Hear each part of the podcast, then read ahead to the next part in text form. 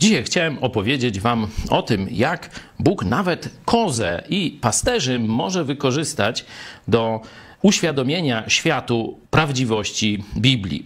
Otóż przez długie lata, praktycznie mniej więcej od 1000 roku do 1900, mniej więcej do tego okresu, nie było wiadomo, jak jest ze Starym Testamentem, jak jest z, z tym, czy on jest wiarygodny. Bo mieliśmy najwcześniejszy tekst Starego Testamentu, gdzieś tam właśnie z IX wieku i tak dalej, i tak dalej. A co było wcześniej?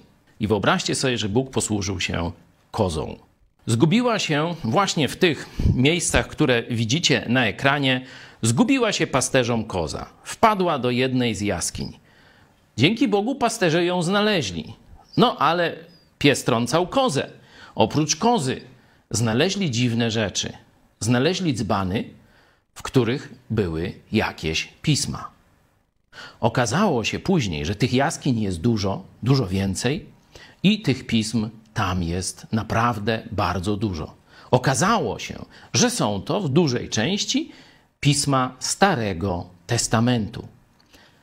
Rękopisy z czasów II, I wieku przed Chrystusem. I w tym momencie, tysiąc lat mniej więcej, cofnęliśmy się do przeszłości.